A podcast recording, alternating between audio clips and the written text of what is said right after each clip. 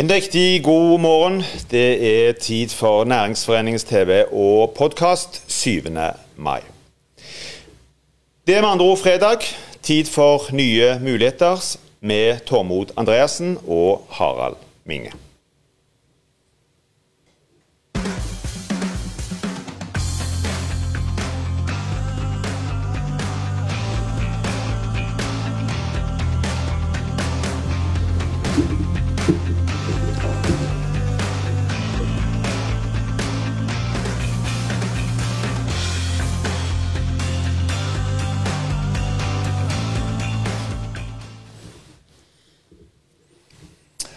Da er det fredag igjen, og det betyr at vi skal snakke om nye muligheter her i Næringsforeningen.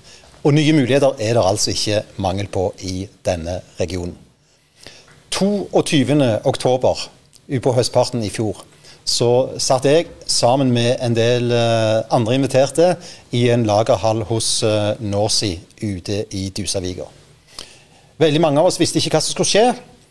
Men uh, vi ante at dette var stort når uh, uh, Tina Bru, olje- og energiministeren vår, kom inn i lokalet med kameraer og lyskastere rundt seg.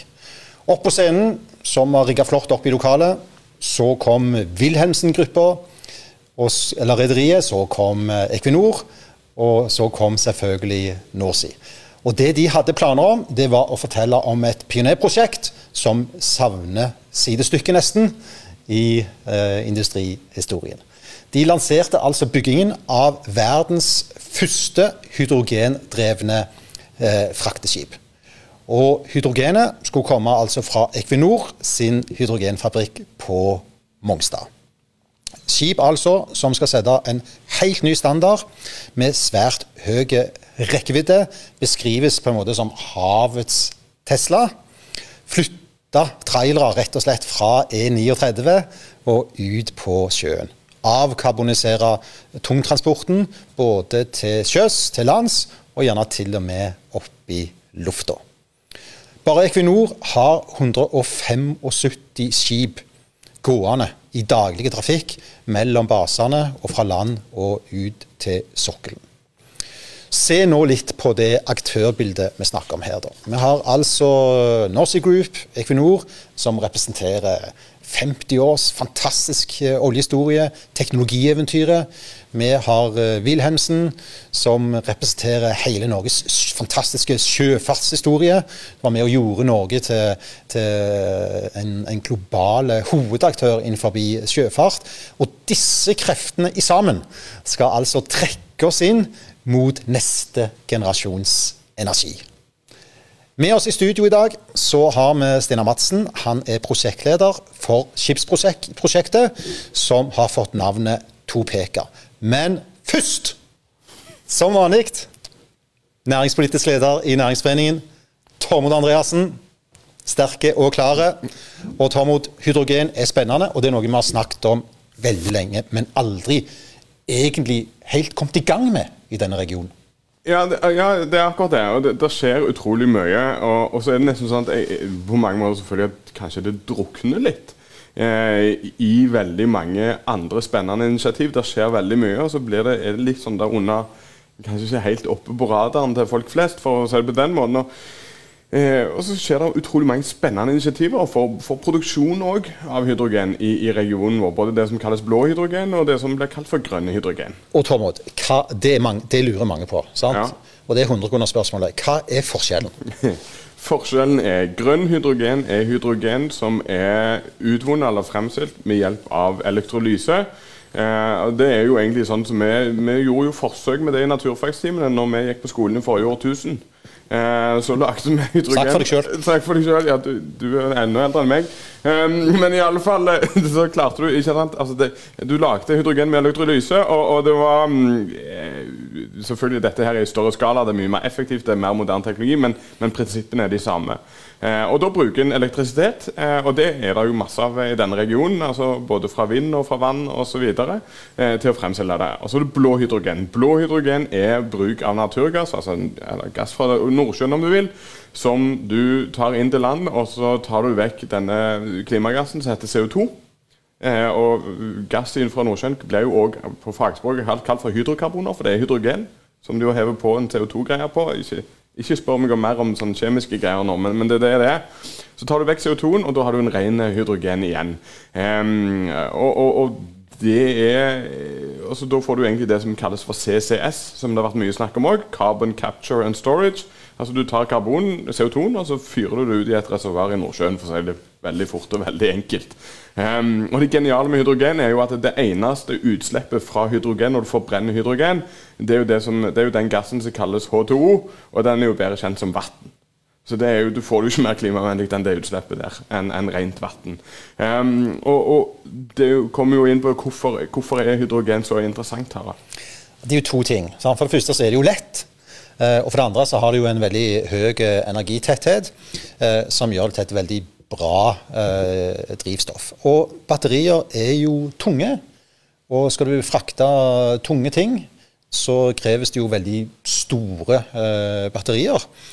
Og det går jo òg utover hvor mye du kan eh, transportere. Så det er jo egentlig settingen her, altså. Så, så kan du si at det, hydrogen kan løse veldig mye av dette problemet. For dette kan fungere som drivstoff, både på båter, på biler selvfølgelig, men òg på fly. Sant? Og det er jo spennende, spesielt nå. Næringsforeningen er jo involvert i prosjektet Stavanger-Bergen 2025, eh, er vi på nå fra 2023 til 2025. Men det handler jo om altså, verdens første kommersielle elflyrute. Uh, mellom Stavanger og Bergen. Og her er det et sterkt partnerskap som jobber for å få uh, dette til. I den uh, konteksten diskuterer en jo òg batteri eller hydrogen. Spørsmålet er hva som blir den framtidige løsninga.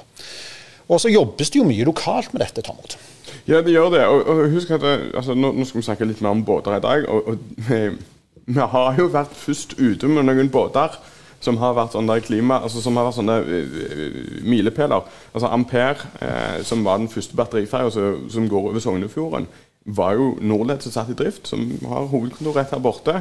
Eh, og du, du har eh, den første hydrogenferja i Norge skal jo settes inn i drift i, i Hjelmelandssambandet, altså for Hjelmeland, Nesvik, Skiftun. Og så arbeides det med utrolig mange andre initiativ i regionen nettopp for å ta i bruk hydrogen som en energibærer. Eh, og som en miljøvennlig energibærer innenfor eh, skipstrafikk, eh, landtrafikk og mye mer. Og da passer det godt inn med gjesten vår. Ja, Skal vi få han inn? Vi gjør det. Ok. Steinar Madsen, altså. Han er en uh, kjent skikkelse i det regionale næringslivet. Har vært direktør i Risavika havn, har vært toppsjef i Stavangerske.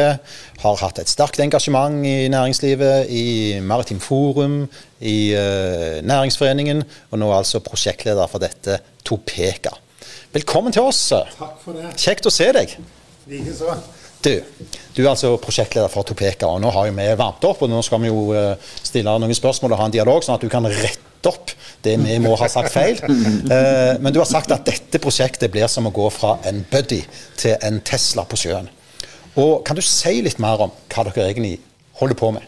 Ja, ja nei, Tusen takk for anledningen til å fortelle om dette, for det er utrolig spennende. Og, og Grunnen til vi sier at vi skal gå fra Buddy til Tesla, det går jo på rekkevidde, selvsagt. Ikke sant? Fordi Nå var vi innom Ampere, eh, batteriferje, fantastisk prosjekt, eh, men den går ikke så langt. Eh, men med Topeka og det vi nå gjør med, med, å lage båter som skal gå på flytende hydrogen, så øker vi rekkevidden helt opp til 700 km. Så det er en 10-15 ganger lengre enn ampere- og batteriteknologien. Så det er jo på en måte ett steg videre på veien mot uh, karbonfri tungtransport og, og shipping. For det er et svært, uh, som du var inne på, tunge ting som skal langt, og vi trenger noe som er veldig sterkt energimessig for å få dette til. Når er du klar med den første båten? Ja, det første båten, Hvis alt går sånn som vi håper og tror, så kommer ikke den første båten, men de to første. For vi har valgt å bygge to på en gang hvis vi først skal gjøre dette. Og Det er rett og slett fordi vi ønsker å ha et høyfrekvenssystem. For vi skal eh, være et alternativt lastebil. Så vi vil ha én båt som begynner i nord, én båt som begynner i sør, og så går de eh, og møter hverandre på natta. Derfor kaller vi det nattrute. Eh, så hvis, hvis alt går som vi vil, så starter vi i 2024. Men, men, det betinger at vi tar endelig investeringsbeslutning, eh, og det holder vi nå på å jobbe med. Altså Det tekniske med båten, det, det tror vi at vi har løst. Og Det har vi jobba veldig godt med Norled, som også ble nevnt her, for det jobber vi med Hydra. Sånn at vi samarbeider på det. Eh, men vi er avhengig av å få noen kunder i bånn, som er nå i forhandlinger med Equinor, som er en veldig viktig hjørnesteinskunde for oss, for base-base-transporten, som da vil legge sålen eh, i aktivitet. Og så er vi avhengig av at Equinor som du var inne på, bestemmer seg for å bygge den fabrikken på Mongstad. For det er ikke helt bestemt ennå, der hydrogenet skal bli flytende.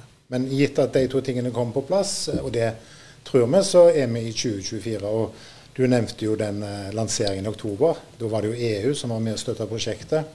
Uh, vi fikk jo en enda større pakke rett før jul fra Enova. Da tok norske myndigheter og støtta prosjektet med hele 219 millioner. Så det viser jo at det er veldig mange som ønsker at dette skal bli realisert. Men, altså, men er, det, er, det, bare dere som holder på med dette i Norge, eller, eller globalt? Altså, altså, er dere alene om det, eller er det mange om beinet på, på, inn på dette markedet? her? Ja, nei, Her er det heldigvis mange. Altså Det med å gå fra fossilt til, til, hydrogen, det er, jo, det er jo noe som veldig mange tror er en del av veien. Eh, vi jobber jo de fleste land har ulike strategier. Tina Bru jobber med norsk hydrogenstrategi. EU har en hydrogenstrategi. Biden har altså, Dette er jo veldig mange som jobber med. Men, men i Norge så har vi et helt unikt maritimt miljø. Altså Vi er verdensledende innenfor det maritime hydrogenet. Og så er det veldig mange andre initiativer i verden på biler og andre ting som går på hydrogen. Men maritimt så tror jeg Norge har et fortrinn. Du nevnte jo ferja på, på, på, Hjelmeland, som Norled holder på med, er jo langt framme. Eh, vårt prosjekt er langt framme. Vi har eh, Equinor har et prosjekt sammen med Eidesvik som går på ammoniakk, som er et søskenbarn av hydrogen. Altså en litt annen variant av hydrogen. Så det finnes mange prosjekter eh, som kommer. Så dere er ikke alene på, på dette markedet i, i, eh, Norge. Men hvem anser du for å være eh, konkurrenter her? Altså Konkurrenter for det vi holder på med i, i denne fasen, er jo, ikke, er jo, ikke, andre hydrogenprosjekter. Konkurrenter er jo konvensjonell teknologi. Sånn at nå er vi, nå er vi relativt få som jobber med dette, og, og, det er en stor grad av, av entusiasme og, og, og, samarbeid. Så nå jobber vi veldig deler på dette for å utvikle teknologi og dele erfaringer for å få dette opp å stå. Du sier at teknologien her egentlig er på plass. Eh, eller at dere regner med å få til det. Sant? Men hva tror du da blir uh, utfordringene, altså de sterke aktører bak dette? Ja, Hovedutfordringen er jo å, å, komme i gang. Altså Dette er jo sånn klassisk uh, chicken egg-problemstilling. Det, det, er jo på en måte en kopi av det som skjedde med LNG for 20-25 år siden. Sånn at Gassnova veldig langt framme lagde en liten LNG-fabrikk på Karmøy. Og så rulla ballen sakte, men sikkert. Og så fikk en jo Skangass på, på Risavik og, og Snøhvit. Og nå er jo LNG veldig stort. Men, men, det er liksom det å få noen til å lage hydrogenet. Og så skal det noen som bruker det, og hvis ingen bruker det, så er det ingen som lager det. Og hvis ingen lager det, så er det ingen bruker det. Altså, Den er veldig klassisk. Så jeg tror det viktigste steget nå er å, å få tatt det første steget. Og at det steget er såpass langt at, at resten av, av shippingen og, andre hydrogenbrukere komme etter. Og Da vil òg produksjonen komme. Ja, for Det handler om å etablere liksom, den, den, internasjonale standarden nå, for hva som blir framtidens drivstoff innenfor eh, skipsfarten. Ja, Vi tror jo at hydrogen kommer til å bli en viktig del av framtidens drivstoff. Og, og, igjen litt tilbake til det norske. Men, men, vi er jo veldig heldige i Norge at vi har et, framover en sjøfartsdirektorat og vi har veimyndigheter med ferjer. Sånn, så vi jobber veldig godt med dette i AS Norge på en måte også internasjonalt med IMO og den type regler, så vil det ta mye lengre tid. Men, men, det er jo litt av bakgrunnen til at Wilhelmsen, som egentlig jobber internasjonalt, nå bruker ressurser nasjonalt. Fordi nå er Norge en, en form for laboratorium eller sandkasse til å få dette til med norske regelverk. Og når vi har fått det til, så får vi håpe at det internasjonale regelverket er klar til å ta det imot det. Men da har vi konkurransefortrinn. Ja, du gir meg egentlig sånn de stikkordene jeg, jeg lurte på. Altså, eh, altså, det ligger jo en sånn der, der containerskip som sperrer Suezkanalen, og de går jo på tungolje eller diesel eller hva de enn går på. Um, men de går jo mye lenger enn en 700 km, som, som, den båten dere skal gå. Um, altså, hvor langt frem er det før liksom, du begynner å se sånn der Evergreen ligger an på tvers, men da er det fly, flytende hydrogen som fyrer opp båten? Og, og, altså, altså, den virkelig lang transporten på, på sjøen, hvor lenge er det med før vi ser de alternativene i bruk der? Ja, jeg skal, vel, jeg skal være forsiktig med spå. Men, men eh, det må jo komme relativt raskt. Altså, eh, Rederiforbundet i Norge har sagt at ambisjonen er at alle båter som blir bygd etter 2030, skal være klar for nullutslipp. Og, og, IMO har sagt at alle skip, eller uh, utslipp fra maritim sektor skal halveres innen 2050. Og IMO er IMO det er det internasjonale, det er FN. Det er liksom det som er verdenspolitiet for, for båter. For båter, takk. Ja. For de av oss som ikke er inne i dette. Ikke sant? Og, og, og skal det eh, skje, så, så må, må, dette begynne å rulle relativt fort. Og så ser vi at med Topeka så tar vi en 10-15 gang i forhold til ferjene. Og så kommer Topeka 2 eller Topeka 3, og så kan vi krysse Sverdrup. Mm. Men Steinar, uh, Tormod holdt jo et fantastisk foredrag innledningsvis her, som vi ble imponert av, om blå og grønn uh, hydrogen. Og, og, her er det en klimadiskusjon. Uh, og det må jo du klare litt opp i. For det er jo ikke sånn at blå hydrogen er fy-fy, er det det? Nei, nei, Blå hydrogen er jo, er jo ren hydrogen. Og, og, for oss i, i Topeka, det vi jobber med, så vi er ikke opptatt av hydrogen blå eller grønn. Vi er opptatt av at det er ren hydrogen, for vi skal ha utslippsfri eh, transport. Men, men, det som er misforståelsen, føler jeg, i diskusjonen, er at eh, det er fort gjort å lage nok grønn hydrogen. Altså Tormod hadde en liten kjemiforedrag her, så jeg håper ikke læreren så på det. Men, men, men, det krever enorme energimengder for å få dette til. Og, og det er litt urealistisk å tro at vi over natta kan stenge ned eh, eller at vi over natta kan lage alt dette grønt med fornybart, som mange tror. Sånn at Jeg mener jo at det er en stor misforståelse å si at det å stenge ned sokkelen er et klimatiltak. Tvert imot. altså Vi er jo helt avhengig av gassproduksjon og blå hydrogen i overskuelig framtid for å ta dette løftet ifra, ifra utslippsfritt til uh, utslippsfri hydrogen, som da blir produsert i, i første omgang primært fra blått, og så gradvis mer og mer grønt, men ren hydrogen. En del av hensikten her er jo avkarbonisering. sant? Altså Ta tungtransport vekk fra veier, eh, få det ut på havet. Er det gjort noen estimater på hva effekt eh, denne type skipsfart kan få på eh, utslipp i Norge? Ja, Nå husker jeg ikke tallene på det, men, men uh, globalt så sier de vel at utslippet fra maritim sektor er 3 eller noe sånt, så det er, jo, det er jo ikke lite. Det er klart Hvis du ser på mye som blir frakta som tonnmil, så, er det den mest klimavennlige transportmåten, men, men allikevel det er snakk om store, store, utslipp. Hva tror du, altså Potensialet, da, uh, og vi begynner å nærme oss slutten her, men, men uh, dette er jo et interessant industriprosjekt. sant, og Det er mange initiativer uh, på Vestlandet nå, og innenfor spesielt fornybar energi.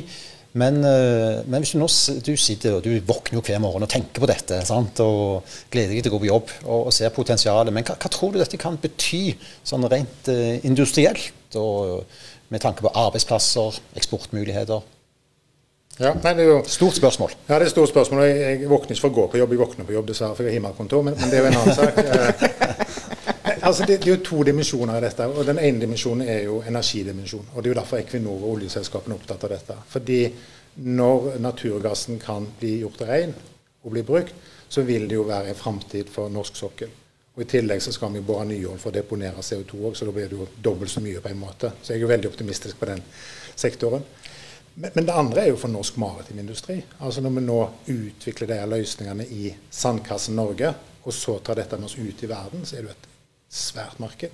Og, og, vi snakker om ferjer, og det er jo det er jo grævla bra, jeg er glad i ferjer. Men, men ferjer er jo en veldig sær bransje. Det er jo nesten bare Norge som har ferjer. Men i det øyeblikket vi begynner å snakke om lasteskip, så åpner hele verden seg. For alle, alle hav har jo lasteskip. Tusen takk for at du var med oss, eh, Steinar. Velkommen tilbake. Ha ei flott uh, helg etter hvert. Og så skal vi gå inn for uh, landing. Veldig bra. Takk for at jeg fikk komme. God helg. Tida går fort i godt selskap.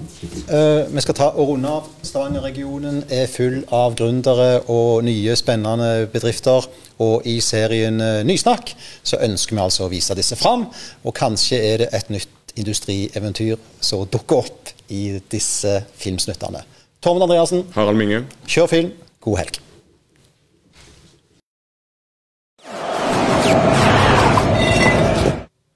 Hi, my name is Daniel, and I'm the CTO and co-founder of Foodback. We're a feedback company specializing in the food and beverage industry, founded here in Stavanger in Norway. So let's jump straight into it. So the problem that the industry is facing is that they have, have to make decisions based on gut feelings. They do have data based on uh, superficial feedback from booking systems and TripAdvisor, etc. But it's the customers talking to each other and really the, the strong opinions, like the haters and lovers, talking to each other. And uh, they don't get the uh, voice of the silent majority, which is really important. So the solution is to truly listen to the customers. And with Foodback, They can uh, leave feedback in about 20 seconds. So it's really fast and fun for the customers to do, and it's really valuable for uh, the restaurants. Uh, we organize all this feedback in beautiful dashboards so they can really act on it, turning all of these subjective experiences into actionable data. Uh, the corona pandemic has been a real hit for this market, but we see that things are normalizing now, and hopefully, Foodback can be the tool that they need to get back on their feet. Uh, IKEA has been a customer of Foodback for a long time now, and they've see, seen that Foodback has been a game changer for them. And it's stuck through the pandemic, and we haven't seen any churn during this period. I'm talking English here today because we're turning into a global company. Uh, we have spent the pandemic now to strengthen all parts of the organization and the solution to be ready to take the global scene. Uh, we have an international sales team spanning all the way from New Zealand to the United States, where we have feet on the ground uh, and see that the markets there are now normalizing. So we have some exciting news there to, to give you guys, but not right now, hopefully in a couple of weeks. And we're doing a funding round uh, um, this quarter. So if you're interested in hearing more, uh, contact our new CEO, Martin, and we'll give you the nitty gritty details. Thanks.